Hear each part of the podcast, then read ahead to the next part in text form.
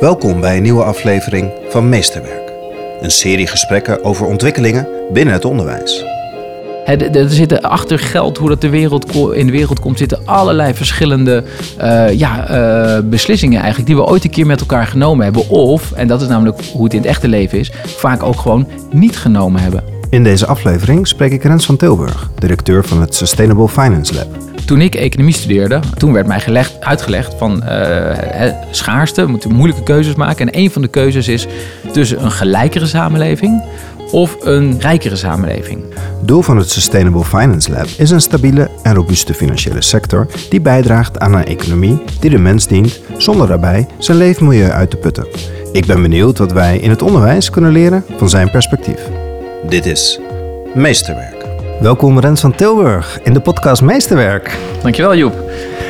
Hey Rens, jij bent directeur van de Sustainable Finance Lab. Je hebt eerder gewerkt in het Europees Parlement, de Tweede Kamer, bij de Adviesraad voor het Wetenschaps- en Technologiebeleid. En je hebt eigenlijk heel veel gedaan.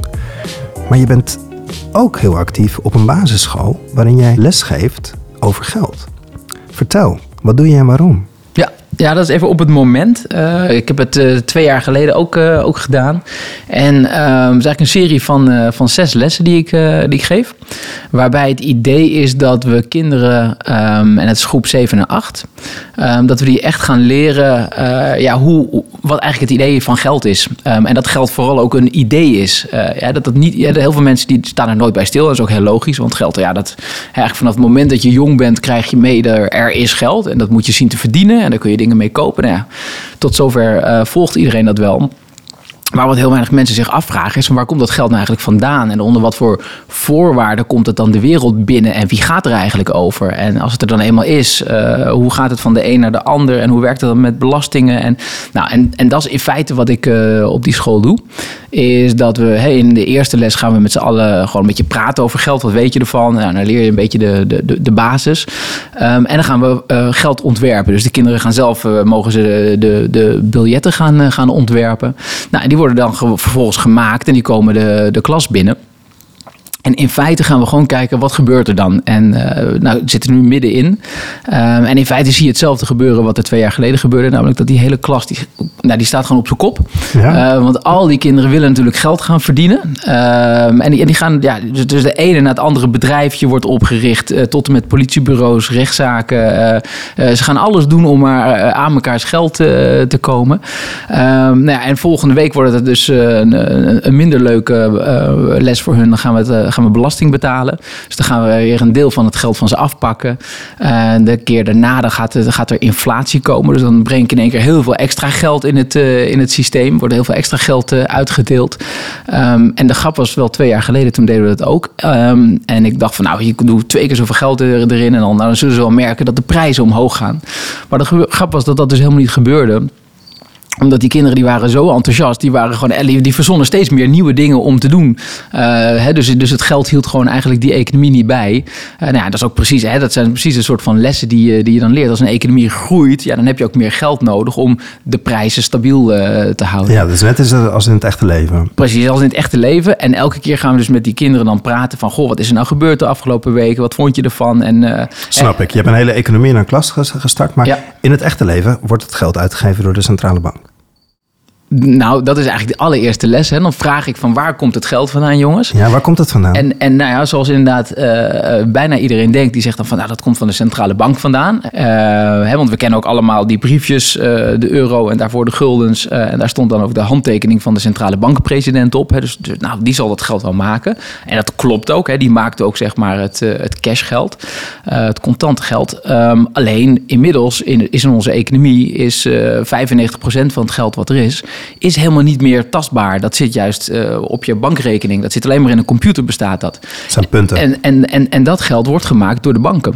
He, dus 95 tot, uh, tot, tot, tot, tot 97 procent van het geld komt via de commerciële banken in de wereld. Wordt dus gemaakt door de ING, de Rabobank, de ABN AMRO. Um, dat, dat is hoe het echt uh, eraan toe gaat.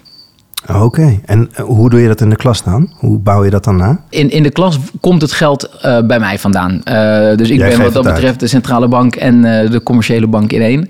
Hè, dus ik, ik heb, ik heb alle kinderen krijgen sowieso gewoon wat geld. En vervolgens geef ik een, een stapel van de, de bonkies, zoals ze heten, ehm, aan de leraar.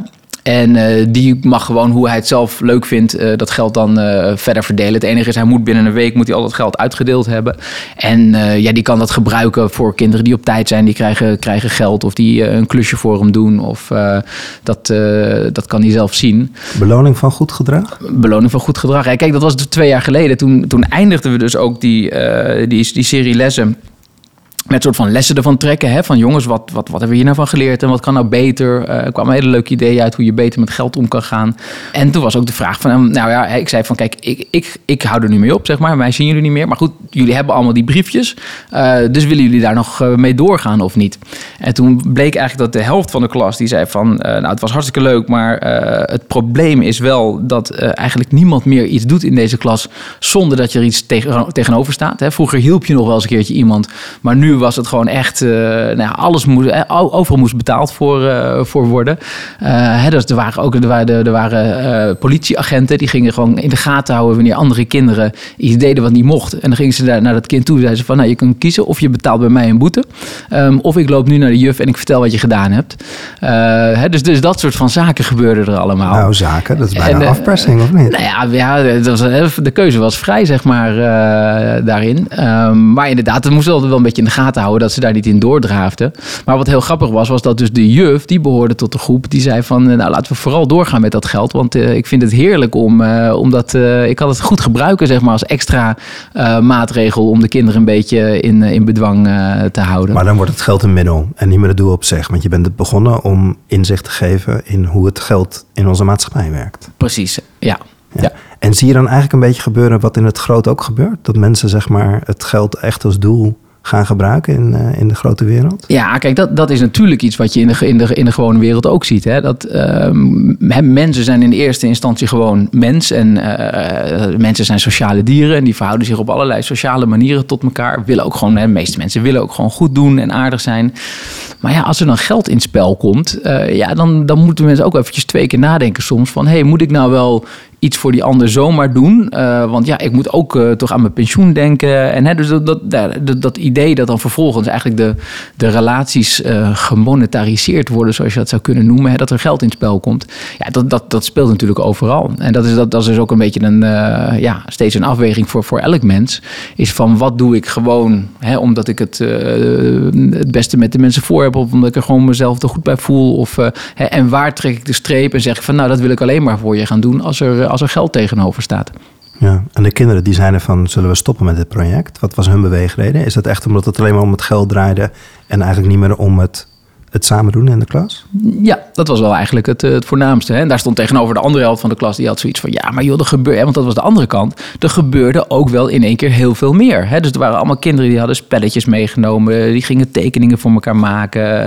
Hè? Er, was ook heel veel creativiteit. En uh, ja, de andere helft van de, van de klas die had zoiets van: ja, dat was er niet voordat dat geld er was. Dus we willen dat geld gewoon houden, want we vinden het veel te leuk dat iedereen zo, uh, zo actief is. Ja, en dat is natuurlijk ook het andere. Hè? Dat, kijk naar die hele economie die wij uh, hier buiten de deur hebben. Uh, het zijn allemaal ja, mensen die toch hard hun best doen, hun bed uitkomen, terwijl ze misschien eigenlijk liever hadden willen blijven liggen. en toch maar weer eventjes hun best gaan doen voor, voor anderen. En dat is natuurlijk altijd een beetje de vraag. Er zijn ook de discussie komen misschien zal ik wel over, over het basisinkomen. Hè, van wat gaan mensen nog doen als je ze gewoon geld zou geven? Gaan ze dan nog ja, het beste uit zichzelf halen, voor andere mensen iets doen als ze, als ze dat kunnen? Of gaat iedereen de hele dag in zijn bed, uh, bed liggen? En ben ik heel benieuwd. Je hebt twee jaar geleden het project op die basisschool gedaan. Nu doe je het voor de tweede keer. Wat heb jij de vorige keer geleerd? Wat heb je eigenlijk meegenomen naar dit nieuwe project? De, de, de, voornaamste les die ik, uh, die ik heb opgedaan was dat... Uh, ik, had, ik had toen de eerste keer had ik allemaal uitgebreide powerpoints voorbereid. Ik ging de hele geschiedenis van geld ging ik, ging ik aan ze uitleggen. Nou, en dat werkt gewoon niet. Hè. Dus er zijn dat, die, die spanningsboog die is er enorm kort. Um, aan de, maar aan de andere kant, als je gewoon vragen aan die kinderen stelt...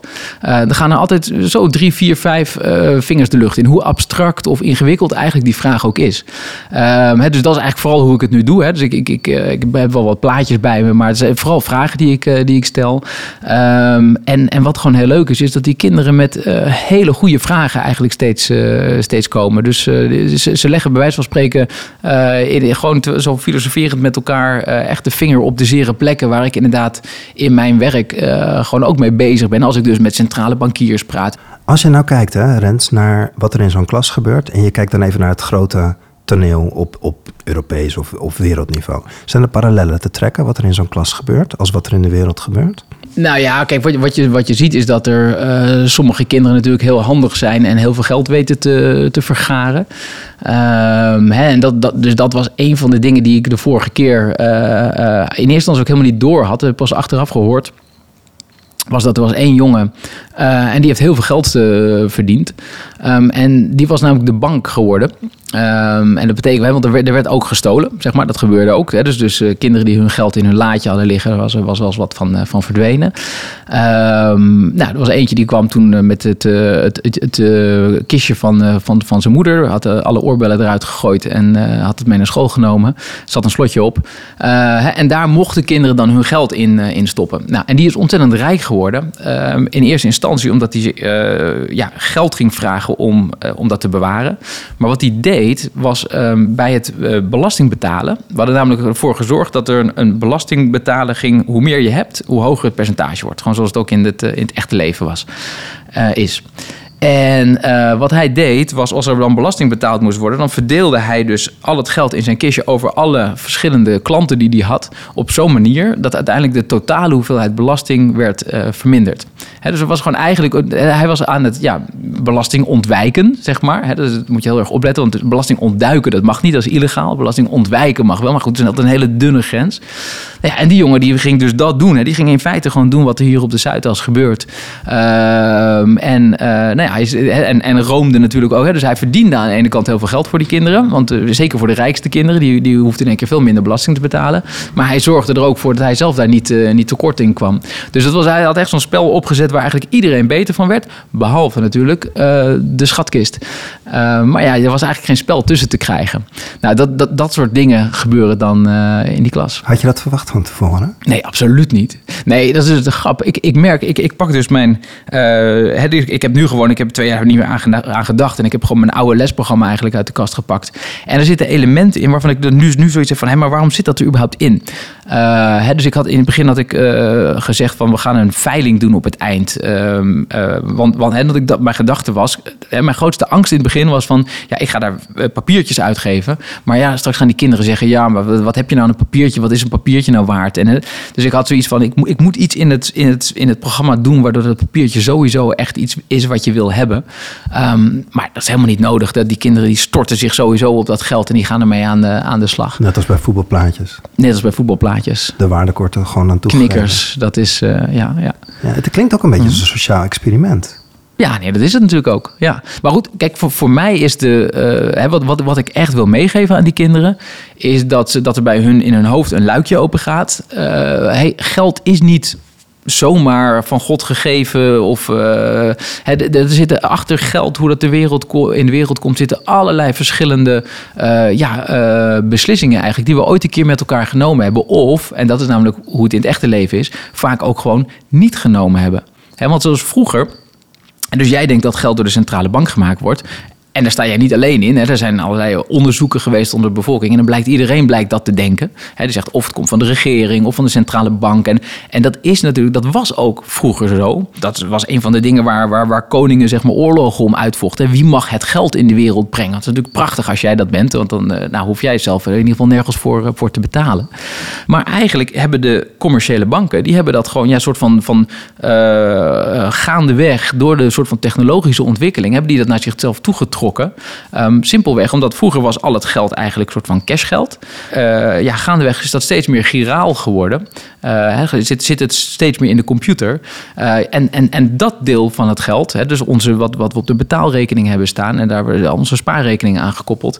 ja, dat zit bij die commerciële banken. Dus die zijn dat eigenlijk steeds meer gaan, ja, gaan doen. En dat is ook een van de, van de grote discussies die we op dit moment hebben... onder nou ja, zeg maar de, de centrale bankiers en de financiële sector is van ja, hoe, hoe is dat nou eigenlijk georganiseerd? En is dat nou wel zo handig uh, georganiseerd? En, want we zijn wel heel erg afhankelijk geworden van ja, in feite private uh, financiële instellingen. En omdat ze ja, zo machtig zijn, zelf geld kunnen creëren, kunnen ze ook allerlei risico's gaan lopen. Nou, dan kom je op de hele discussie over hoe zijn we nou uh, in 2008 in zo'n financiële crisis terecht uh, gekomen, waarbij we in één keer die banken moesten gaan redden hè, met belastinggeld. En toen bleken ze weer niet zo heel erg privaat en commercieel als ze zich daarvoor hadden gedragen.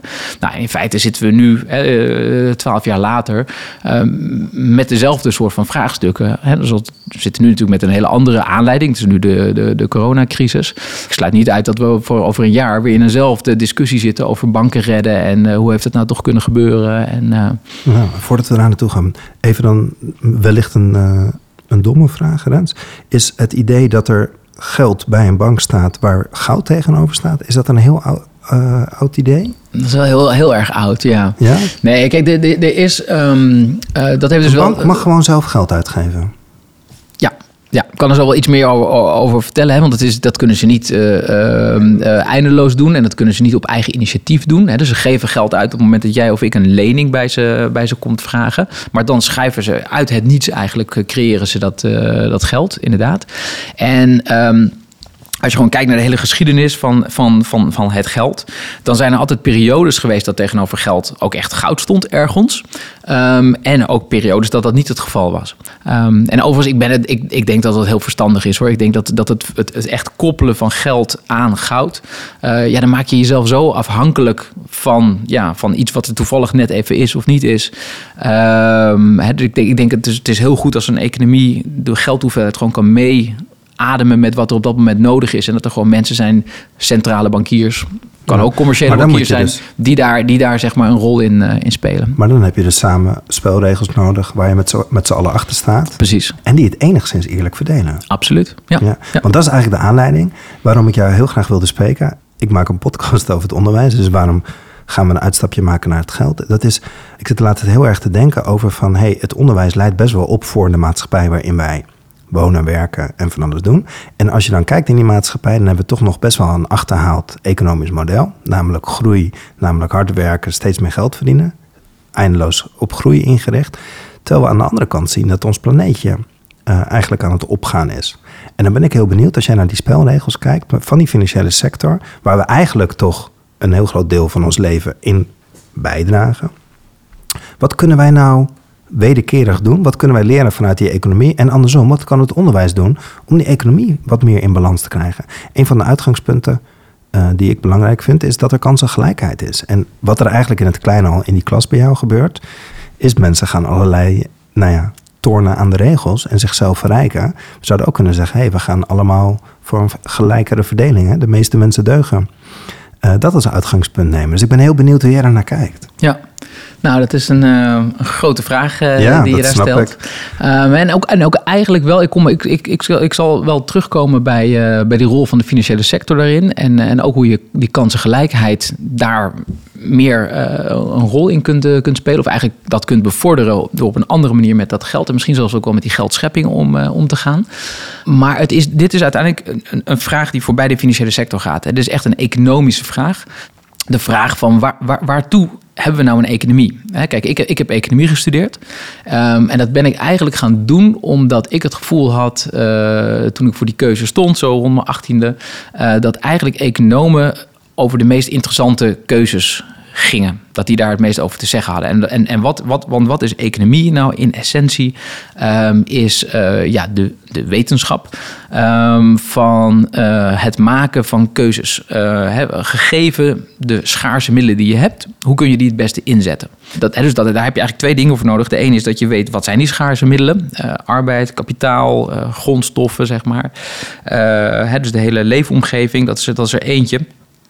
Maar de andere hele belangrijke vraag is van, maar wat is dan eigenlijk je doel? Wat wil je, wat wil je bereiken?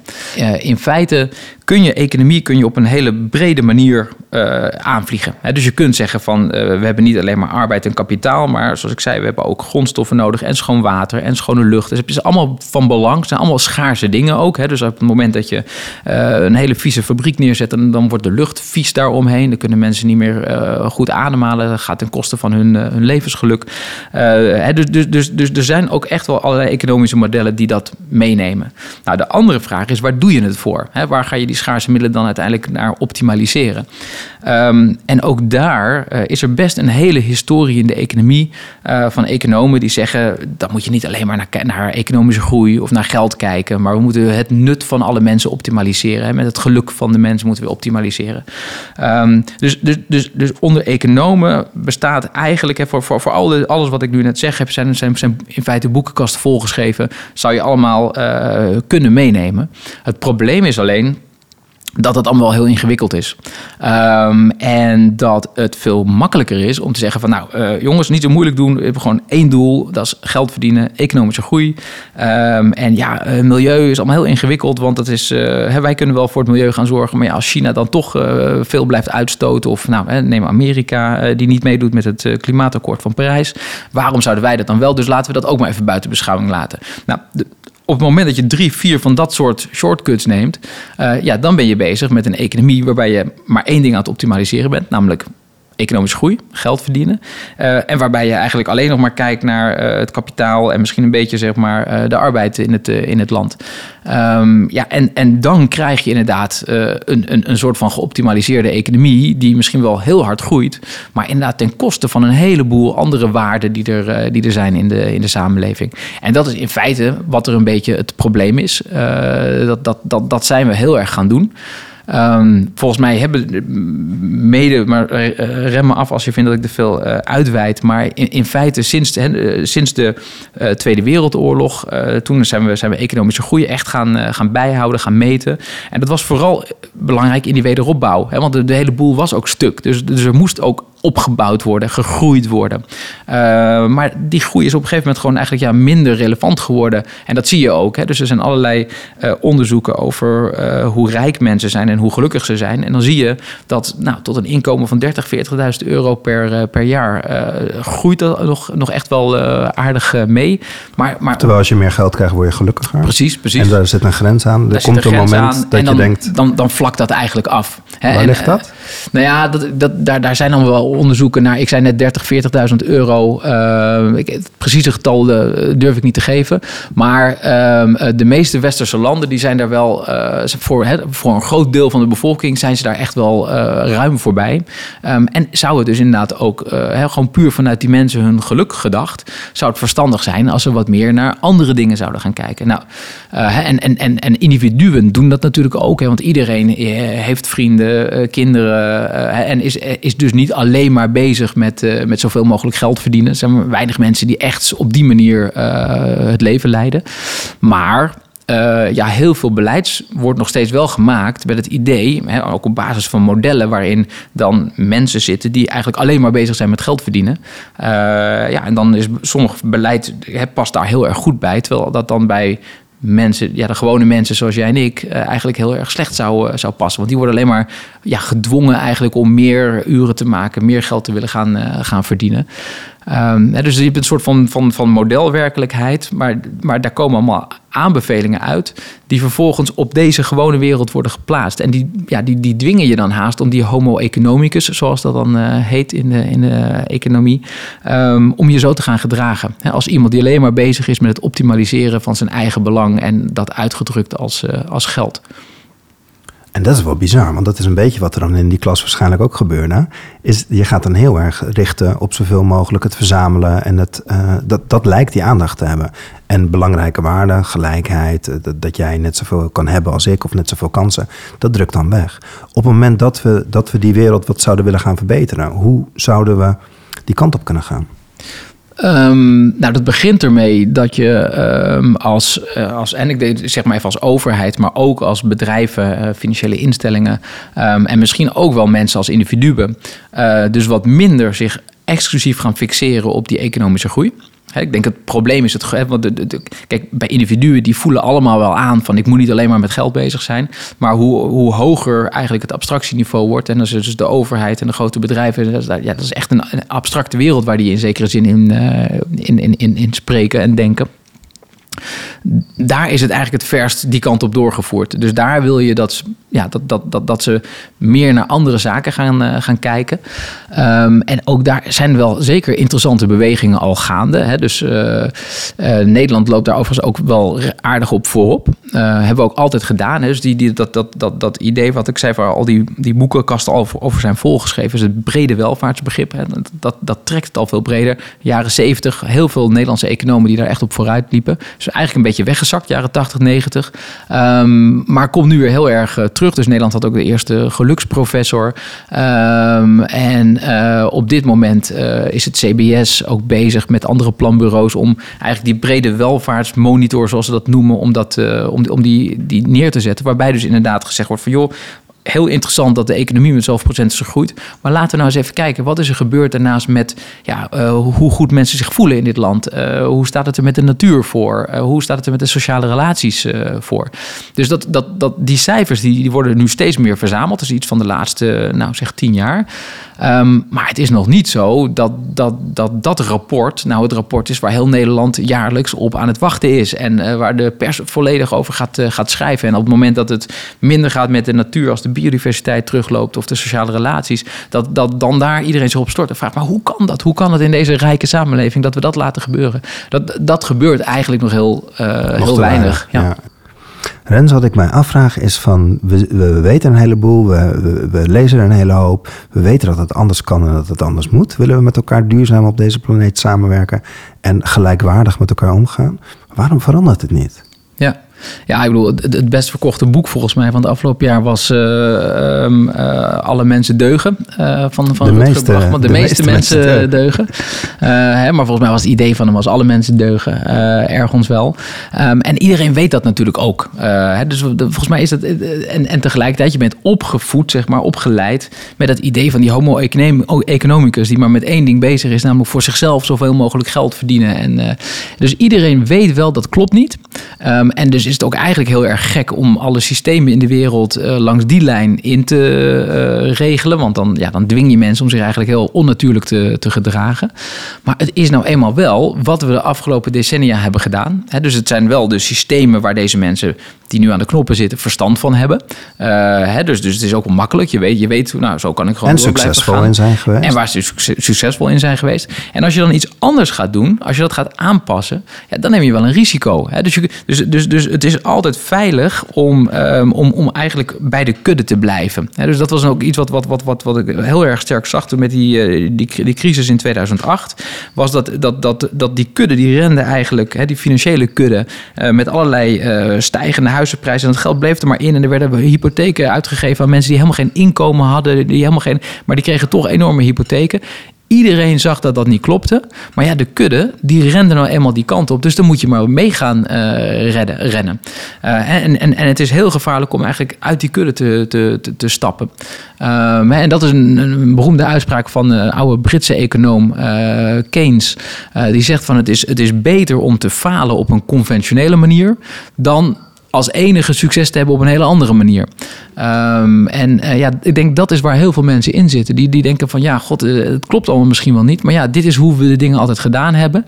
Uh, en, en, en zolang ik me maar gewoon binnen die kudde blijf bewegen, ja, dan kan niemand mij wat maken. Terwijl als ik daar weg van ga lopen, ook al denk ik dat het beter is, ja, dan neem ik een risico en, en, en durf ik dat wel, wel aan. Ja, dat is eigenlijk ook wat je in het onderwijs ziet. Hè? Dus vernieuwende scholen die kijken naar het kind, die, die klassen doorbreken denken, die kijken vanuit ontwikkeling. Hè? Die worden eigenlijk ook altijd aangekeken als zijnde van... Nou, het is gevaarlijk. Hè? Er hoeft maar iets mis te gaan en dan, dan staat meteen de spotlight erop. Terwijl als er vergelijkbare dingen misgaan in een gewone school, ja, dan, uh, goh, ja, dan is, het, uh, is het idee van ja, uh, er kan altijd een keer iets tegen zitten. Hè? Dat, dat, dat, terwijl als jij een vernieuwend concept hebt en er gaat dan iets mis, ja, dan wordt het meteen aan het hele concept ge, geweten. Ja, hey, en hoe kan tot het wel? Ja, wat, wat ik zie gebeuren in die financiële sector zijn eigenlijk. En ik, ik, heb, ik, kreeg vroeger altijd jeuk van mensen die het hadden over, over persoonlijk leiderschap. Maar, maar uiteindelijk is dat wel wat ik zie gebeuren. Dus je ziet dat een aantal mensen. Uh, en, en, en, en, en dat heeft volgens mij ook heel veel te maken met gewoon uh, hun kinderen die aan tafel vragen: van maar papa, hoe kan dat nou, zeg maar? Dat uh, het klimaat verandert en jullie blijven maar geld in, in oliebedrijven stoppen. Ja, op een gegeven moment kan dat gewoon. Dat, dat, kun je namelijk ook niet uitleggen. Um, ja, en dan stappen zij toch eigenlijk uit het patroon waar ze altijd ingezeten hebben. En uh, heb je een paar van dat soort echte topmannen nodig die dus het anders gaan doen. En als die, hè, dan kijkt dus ook de hele kudde van, uh, nou gaat die, uh, valt hij nu het ravijn in of wordt hij door de bliksem uh, getroffen? Ja, en als dat niet gebeurt, maar sterker nog, als die persoon gewoon nog steeds het ook financieel best wel goed doet en hij krijgt veel applaus ervoor, en nou dan, dan, dan, dan zie je dat er wat meer schaapjes over de dam beginnen te lopen. en dat, dat, dat is in feite waar we op dit moment zitten. En heb je onlangs heb je de donut-economie het model gekregen? Ja. Is dat in lijn van wat jij net vertelt? Nee, absoluut. En kan je dat, dat kort uitleggen wat dat is? Uh, het is wel ingewikkeld, omdat de donut economie, het, sterke van het concept is eigenlijk dat het heel visueel is. Uh, dus ik zal het proberen een beetje uit te leggen. Uh, hè, want iedereen weet hoe een donut eruit ziet. Dat is dat broodje met een, een rondje erin. Gat erin. Um, hè, en in feite wat Kate Raworth, dat is de, de Engelse econoom die dat, dat bedacht heeft, um, hè, die heeft eigenlijk gezegd van het gaat in de economie niet alleen maar over de economische groei. Het gaat over, eigenlijk over, over um, twee, twee, twee soort van concepten. Namelijk eentje die je wil laten groeien. Um, uh, namelijk uh, dat, uh, dat, dat iedereen te eten heeft, dat iedereen naar school gaat. nou, dat het waar.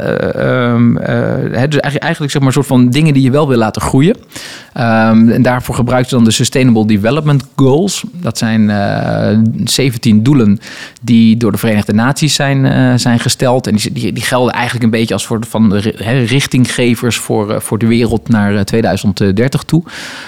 en zij zegt van als je die, die wil je eigenlijk laten groeien. En die moeten dus um, binnen die donut gaan komen. Want het, begint allemaal uh, eigenlijk in het midden van dat, uh, dat, dat gaatje in het broodje. En, en daar vandaan groeien dingen, zeg maar. Dus dat moet, moet, moet, moet, moet die donut ingroeien. Um, aan de andere kant heb je uh, andere thema's die je juist niet te ver wil laten uh, groeien. Um, en dat is namelijk het bederf van onze leefomgeving. En daarvoor uh, pakt ze um, een, een, methode die, die door een aantal milieuwetenschappers uit Stockholm zijn bedacht. De planetary boundaries. Dus eigenlijk de grenzen van wat de aarde aan kan. Er zijn negen milieuthema's die, die, die, dat aangeven. En daarvan is dus klimaat is er eentje van. en daar zie je dus ook wel dat we daar de grenzen aan het overschrijden zijn. Dat komen dus uit de donut. Hè. Dus daar, dat, dat is die buitenste rand, zeg maar. Daar mag je dus niet buiten komen. Um, en er zijn er andere, zoals uh, bijvoorbeeld uh, de teruggang van het aantal uh, soorten, de biodiversiteit. Die zijn al veel meer overschreden nog dan, dan klimaat. Dus die zit echt ver buiten het, het broodje. Nou, en daarvan zegt ze van daarvan is de kunst om dat weer terug het broodje in te krijgen. He, dus zo, zo, zo, zo. Uh, nou, het fijne van, van dat model is dat er kaders zijn. He, dat eerste model wat je net zegt van uh, even zwart-wit hoor, maar dat, dat het alleen maar gaat om uh, winstmaximalisatie. Mm -hmm. Is dit model geeft gewoon aan van er zit gewoon een einde aan, aan ons model, namelijk als we te veel gebruiken gaat de wereld stuk. Ja. Dat zijn we aan het doen. Dus in die zin, hè, dat ronde model gaat heel erg voor mij over balans. Hè, dus je, je mag innerlijk groeien, je mag met elkaar groeien, welvaart mag groeien. Maar het moet binnen die kaders zijn dat we met elkaar op deze planeet werken. Ja. Of wonen. Ja. Maar het, zijn dus, ja, het, het, het, het, is die buitenste rand, is dus waar, daar moet je binnen blijven. Hè, dus die, maar, maar die binnenste rand, dat is degene wat je juist wel wil laten groeien. Dus je wil wel dat er veel kinderen naar school gaan. Uh, dat er veel uh, vrouwen zijn die toegang tot uh, gezondheidszorg hebben. En, hè, dus dat, die doelen die zitten daar, daarin. Ja, en het interessante is natuurlijk, kijk, die, die, die Sustainable Development Goals en ook die milieugrenzen. Dat zijn natuurlijk allemaal dingen die mensen op zich begrijpen. Hè? Dus, dus je, dat, dat, iedereen heeft daar een beeld bij en ook een positief beeld bij van ja, dat logisch dat je dat wilt bereiken. En dat is al, heeft mij altijd gefascineerd met economische groei, is dat iedereen dat zo centraal stelt, terwijl eigenlijk niemand een beeld heeft van wat is economische groei nou eigenlijk. En dus ik ben daar vroeger ook wel eens een keertje ingedoken om gewoon te kijken van hoe hoe wordt dat cijfer nou eigenlijk bepaald? Um, en dat is, ja, dat, dat, dus dat, dat, dat doet het Centraal Bureau voor de Statistiek in Nederland. En elk land heeft zo'n statistiekbureau. En die hebben daar wel afspraken over gemaakt hoe je dat doet. Maar er zitten ontzettend veel ja, eh, beslissingen worden daar genomen om op dat ene cijfertje te komen, die, ja, die, die eigenlijk heel arbitrair zijn. Uh, neem, het feit dat, uh, dat telefoons steeds beter worden. Gewoon de kwaliteit neemt daar steeds van toe. Terwijl ze niet veel duurder worden. Nou, hoe, hoe moet je dat nou in economische groei waarderen? He, dus die kwaliteitsverbeteringen die, die moeten er ook ergens een plek krijgen. Dat zijn gewoon ambtenaren eigenlijk, die daar dan een beetje een inschatting van maken. Uh, nou, en zo, zo komen die cijfers tot stand. Met, met, met de regeltjes. Precies, ja. ja. jij zei het al aan het begin, een liedje het van basisinkomen. als ik naar die donut-economie kijk, ik begrijp dat model. En ik, ik vraag me eigenlijk af, waarom hebben we dat model niet met z'n allen omarmd? Mm Is basisinkomen een uitgangspunt waarin we veel eerlijker met elkaar omgaan in, in de kwetsbaarheid van het wereldbolletje eigenlijk? Ten eerste, ik denk op zich hebben we de donut-economie al omarmd. Ja? dus de Nederlandse regering en uh, eigenlijk alle regeringen, die hebben allemaal hun hand gezet onder uh, de Sustainable Development Goals. dus in feite hebben ze allemaal gezegd van ja, die doelen ondersteunen we. Nou, net zo goed heeft iedereen en Amerika hopelijk binnenkort weer uh, het klimaatakkoord van Parijs ondertekend. En zo ligt er ook een biodiversiteits internationaal verdrag. Dus in feite hebben alle landen wel gezegd van, van ja, we zijn het, dit is wat we willen. Dat is ook in zekere zin wat, wat Kate Raworth um, ertoe gezet heeft, denk ik, om deze maatregelen te kiezen deze indicatoren te kiezen. Uh, want er bestaat hele brede overeenstemming over dit is wat we willen. Alleen, het lukt ons dus niet. En dat heeft ermee te maken, nou, onder andere, uh, dat wij naar, naar hele andere dingen aan het kijken zijn. Dat er machtsstructuren zijn. En want kijk, wat een hele interessante is. Toen ik economie studeerde, toen werd mij gelegd, uitgelegd van schaarste, we moeten moeilijke keuzes maken. En een van de keuzes is tussen een gelijkere samenleving of een uh, rijkere samenleving. de gedachte was, op het moment dat je, dat, je, dat je iedereen geld zou geven, ja, dan gaat niemand meer zijn best doen. Uh, dus dus, dan, dan, gaat, hè, dus de, dan gaat de taart kleiner worden eigenlijk. Hè. Dus was, in feite was het idee van, van als je de taartpunten eerlijker gaat uh, opsnijden, dan gaat die taart vanzelf kleiner worden. Dus het kunnen, we kunnen maar beter gewoon ongelijke stukken snijden. Hè, en, en dan gaat namelijk iedereen zo hard werken dat de taart als geheel groter gaat worden. En was het idee, dan wordt die taart zo groot dat zelfs degene die een kleiner stukje krijgen, toch een groter stuk heeft dan wanneer je die al. Nou, geen spel tussen te krijgen. En dat is heel erg hoe economen altijd gedacht hebben. Van er is een afruil tussen gelijkheid aan de ene kant en het laten groeien van, uh, van, van de economie. En het interessante is dat een uh, aantal jaar geleden uh, er allerlei onderzoek is gedaan. waaruit blijkt dat we inmiddels die economie zo ongelijk hebben laten worden dat dat niet meer opgaat. Um, dat er namelijk zoveel mensen zijn aan de onderkant van de samenleving die gewoon geen geld meer hebben om in zichzelf te investeren of wat dan ook. Um, en, en, en, en daardoor uh, ja, uh, werkloos raken, uh, niet meer kunnen bijdragen. Um, terwijl als je de economie dus gelijker zou maken, dan zouden die mensen wel mee kunnen doen. Zouden ze wel hun kinderen nog een tijdje naar school kunnen laten gaan, dat soort zaken. En, dit, en, en dit is dus in heel veel landen is dit het geval. Dus ook in Nederland, waar we eigenlijk best een gelijke inkomensverdeling hebben, als je dat vergelijkt met andere landen, uh, blijkt dit het geval te zijn. Dus ook wij zouden gewoon een grotere economie kunnen hebben als we de zaken gelijker, eerlijker zouden verdelen. Um, maar, maar, maar dit is typisch zoiets. Hè, dan kom je ook op onderwijs. In het onderwijs is er zo hard ingeramd eigenlijk dat dit niet het geval is. Dat ook al zijn dit, en dit zijn rapporten van het uh, IMF, het Internationaal Monetair Fonds, wat echt een, uh, en van de OESO. E uh, dat is ook zo'n internationaal instituut. En het zijn twee hele gerenommeerde instituten. En die hebben dit eigenlijk al jarenlang, laten ze nu rapporten, steeds maar weer met dezelfde resultaten zien. En dat komt er toch maar niet tussen de oren bij, uh, bij, de, bij, de, bij de mensen. Waarom en, niet? Nou ja, omdat het is natuurlijk ook een beetje contra-intuïtief. Hè? Dus, uh, en en, en, um, en dan, dan kom je dus ook op die discussie over basisinkomen. Uh, hè? Want daar wordt ook al sinds de jaren zeventig, zeker als het niet langer is, wordt daarvoor uh, voor gepleit. En ja, mensen zijn gewoon heel bang dat, dat als, je, als je dat te genereus gaat maken, dat er dan heel veel mensen zullen zijn die gewoon niet meer mee willen doen aan het, aan het arbeidsproces, die gewoon achterover zouden gaan hangen. Nou, is hetzelfde... ben, ben, ik daar helemaal niet zo bang voor. Nee? Om, ten eerste omdat uh, de meeste basisinkomens voorstellen... dan gaat het echt om een, om een vrij beperkt inkomen. Dus dat is gewoon niet genoeg om, om, om mee, mee rond te komen.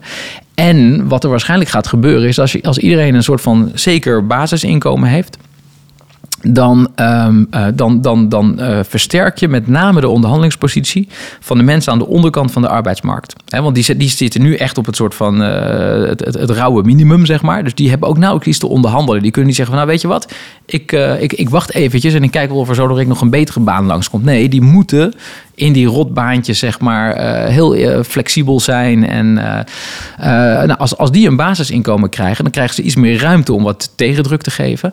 En is de verwachting dus ook dat de, de inkomens die ze vervolgens voor datzelfde werken, stel, stel dat ze hetzelfde werk blijven gaan doen, maar dat ze er in ieder geval beter voor betaald zullen gaan krijgen. Of dat ze wat betere uren werktijden kunnen krijgen. Of wat meer vakantiedagen. Of, dus, dus het idee is dat dat juist leidt dat, er, dat, dat, dat de inkomens wat omhoog gaan daar. Maar dat zal dus ook ertoe leiden dat heel veel producten juist weer wat duurder gaan, uh, gaan worden. Uh, hè, dus, dus, dus, dus ik denk niet dat een basisinkomen ertoe zal leiden dat allemaal mensen niks meer gaan, uh, gaan doen. maar ik denk juist dat dat effect wat, wat ik net beschreef over mensen die, die juist meer in zichzelf kunnen gaan investeren, dat dat juist heel erg goed uiteindelijk ook voor die economie zal, uh, zal zijn. ik vind het echt vergelijkbaar met het onderwijs. Van, van wil je leren, leer je uit jezelf vanuit intrinsieke motivatie of doe je dat omdat je moet leren? Ja, ja. Dat is het precies hetzelfde. Hè? Van, stel je voor dat je kinderen zelf laat beslissen wat je, wat je ze laat leren. Nou, dan zal er wel niks uitkomen. Ja. Dat zo beluister ik ook een beetje het basisinkomen. Ja. Terwijl eigenlijk tegenovergestelde gebeurt. In het onderwijs waar scholen kinderen vanuit hun vragen, vanuit hun interesse, vanuit hun intrinsieke motivatie laten leren, gebeurt er echt iets heel anders dan dat het moet. Ja. Daar willen kinderen zijn, daar willen docenten werken. Dus is dit zo uh, een beetje met elkaar te vergelijken? En eigenlijk is dan is mijn vraag: van, is, is er ons economisch model nu uh, aan herziening toe, waardoor het onderwijs daarin mee moet gaan? Want ons onderwijs lijkt nu zo vast te zitten, eigenlijk ook in die oude beelden. Ja. Ons onderwijs komt nog letterlijk uit de jaren na de Tweede Wereldoorlog. Doe maar gewoon we zijn allemaal gelijk. Hè? is echt zo'n uitgangspunt in het onderwijs. Jaarklassensysteem. Terwijl we zijn helemaal niet gelijk. Wil je gelijke kansen, dan moet je ze ongelijk behandelen, is een mooie uitspraak. Maar dat geldt eigenlijk ook voor de economie. Ja, ja, nee, en, en uiteindelijk komt het denk ik gewoon op neer... is van wat voor soort van mensbeeld heb je nu? Um, hè, en, en, en, en, en ja, als je mensbeeld is van uh, kinderen zijn nieuwsgierig... en die willen dingen ontdekken, uh, net zo goed als dat men... En niemand wordt gelukkig van de hele dag op de bank gaan hangen. Dus mensen zullen dingen gaan doen. Uh, ja, dan, dan, dan, dan is een basisinkomen een, een, een, een iets wat, wat, wat, wat, wat wel heel aantrekkelijk is. maar ja, als jouw mensbeeld is van ja, dat, dat, dat gaat niet werken... dan, ja, dan, dan, dan wil je dat niet. En dat is absoluut, ik zie die, die vergelijking met het onderwijs, uh, zoals je hem trekt, heel, uh, heel erg goed. Ja. Vanuit de economie is er ook veel gezegd over, um, over die kansengelijkheid. Er zijn veel economen, en uh, corrigeer me als ik het verkeerd zeg, maar volgens mij is Piketty heeft dat laatst weer aan de, onder de aandacht gebracht. Dat eigenlijk in die eerste jaren nadat je geboren wordt, voordat je naar school gaat, dat daar de grootste ongelijkheid in de maatschappij al gecreëerd wordt. Met desastreuze gevolgen voor de rest van, van hun uh, ontwikkeling in de maatschappij. Hoe kijk je daar tegenaan? Of wat, welk perspectief heb je daarop? Ja. ja, dat is overigens niet Piketty, maar dat is inderdaad uh, een Nobelprijswinnaar, uh, Heckman heet die. Die heeft dus onderzoeken gedaan waarin hij inderdaad kijkt van wanneer beginnen nou zeg maar eigenlijk die kansenongelijkheid. Hè? Wanneer lo lopen, loopt, begint het uit elkaar te lopen. En die heeft ontdekt van eigenlijk zit het al voordat de basisschool begint. Hè, dus daar beginnen kinderen al taalachterstanden op te lopen. En als ze eenmaal taalachterstand hebben, nou dan dan halen ze dat nooit meer in. Dat wordt alleen maar groter. Um, dus die heeft inderdaad gezegd van je moet vanaf, nou zeg het vierde jaar al echt beginnen met, uh, met, met, met, met uh, of soms vanaf het tweede jaar, al beginnen met, uh, met, met, met ja, hele goede crashes waarbij heel erg ook opgelet wordt dat die kinderen zich gaan ontwikkelen, dat ze veel aangereikt krijgen, met name dus taal ook. Um, en ja, daar, daar zijn eigenlijk alle economen het over eens. Dat ze dus, dus uit hè, die studies die hij dan heeft gedaan, die laten daar zo'n ontzettend uh, rendement zien van die investering. Hè. Dus ook gewoon puur financieel gezien. Hè. Dus als als je, als je uh, op dat moment zorgt dat die kinderen uh, goede dingen aangeboden krijgen, dat, dat, dat betaalt zich dubbel en dwars terug in hun inkomen ook later. En daarmee dus ook het inkomen van jou als land. Hè. Dus dat is voor economen is dat echt van, joh, daar moeten we in, in investeren. Um, maar ja, tot, tot de dag van vandaag komt het maar heel beperkt eigenlijk ja, dringt dat door is dat tot kip-ei? Is dat kip-ei? Nou, het is, het is de kost gaat voor, eh, voor de baat uit. Ehm, dus je moet nu gaan investeren in die, eh, die jonge kinderen. En eh, nou ja, die, zijn, die zijn, zijn, zijn twee, drie jaar oud. Dus dat duurt nog zeker twintig jaar voordat daar iets uit terug gaat, gaat komen. Ja, en dan, hè, en dan denkt elke politicus, ja, dan ben ik alweer eh, vertrokken. Hè, dus, dus, dus, en het is ook moeilijk om uit te leggen. Dus dan moet je gaan uitleggen, jongens, we moeten misschien nu wel even een, een wat groot tekort gaan, gaan, gaan, gaan, gaan lopen. Of moeten de belastingen nu wat verhogen om dit mogelijk te maken.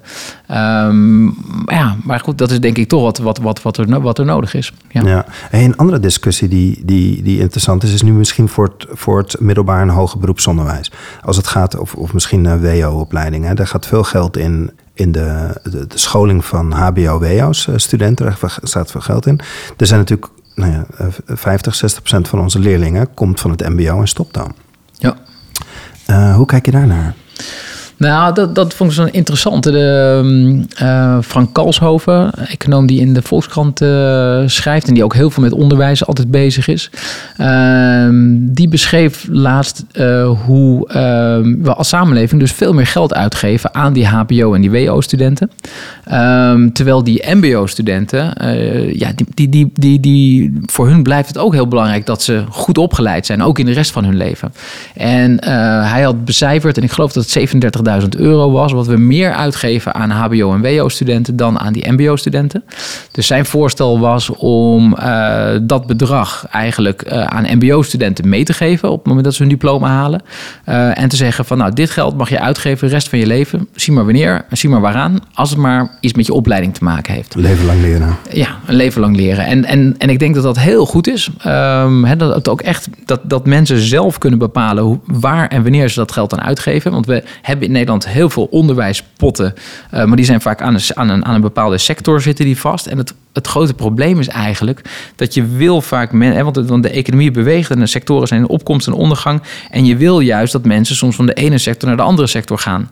Eh, neem nu bijvoorbeeld, we hebben natuurlijk een enorme eh, opgave om- rondom de energietransitie. Dus je wil dat eigenlijk dat mensen geschoold worden om daar aan bij te kunnen dragen. Om eh, zonnepanelen te leggen, windmolens te bouwen, dat soort van zaken. Ehm, maar ja, als iemand in een, in een andere sector aan het werken is, dan mag je vaak dat opleidingsgeld alleen maar gebruiken om opgeleid te worden binnen die sector. Terwijl je juist, nee, die mensen moeten de andere kant op worden, worden, worden opgeleid. En dat, dat zou je met zo'n eh, voorstel zou je dat, eh, dat kunnen, kunnen onder, eh, ondervangen.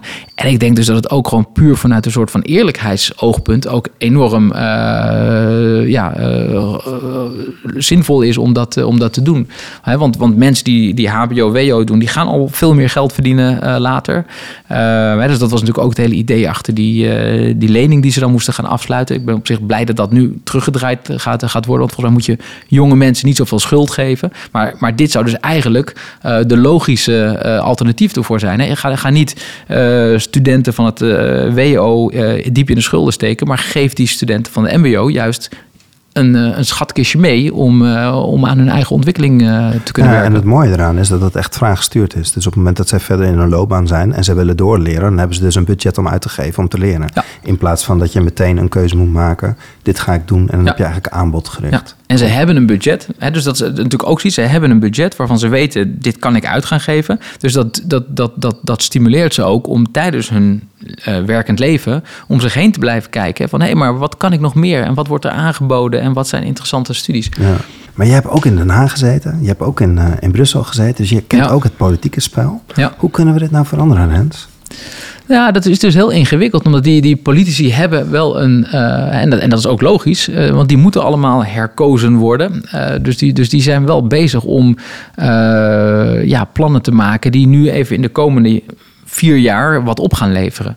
Kijk, en waar, waar, waar ik wel echt heel ehm, eh, positief over ben, is dat ik heb het gevoel dat er met name in Brussel, eh, dus aan, aan de, Europese Unie kant en daardoor ook in Duitsland en in Frankrijk, eh, wel echt een, een grote verandering gaande is. Hè. Dus we hebben tien jaar geleden, twaalf jaar geleden, toen, toen, toen, toen, toen, toen hadden we de financiële crisis en toen viel dus ook de hele economie stil. En toen was ook de vraag van hoe moeten we, wat moeten we nu doen? Nou, het werd er ook gestimuleerd, maar dat, dat ging eigenlijk zonder enige idee over duurzaamheid. Of, eh, inmiddels is er weer een heel groot stimuleringsprogramma onderweg.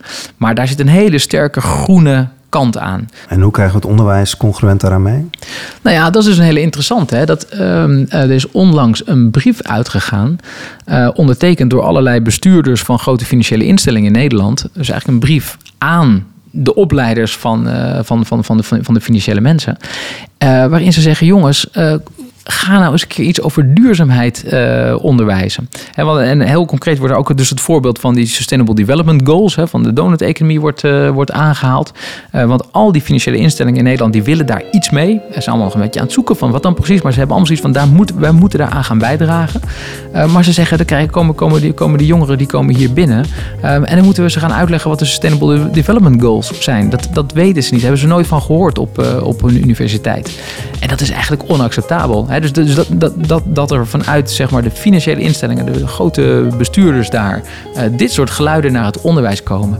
Ja, dat, dat, dat, zo'n zo'n zo'n zo'n uh, brief, die mag je toch hopen dat dat inslaat als een bom.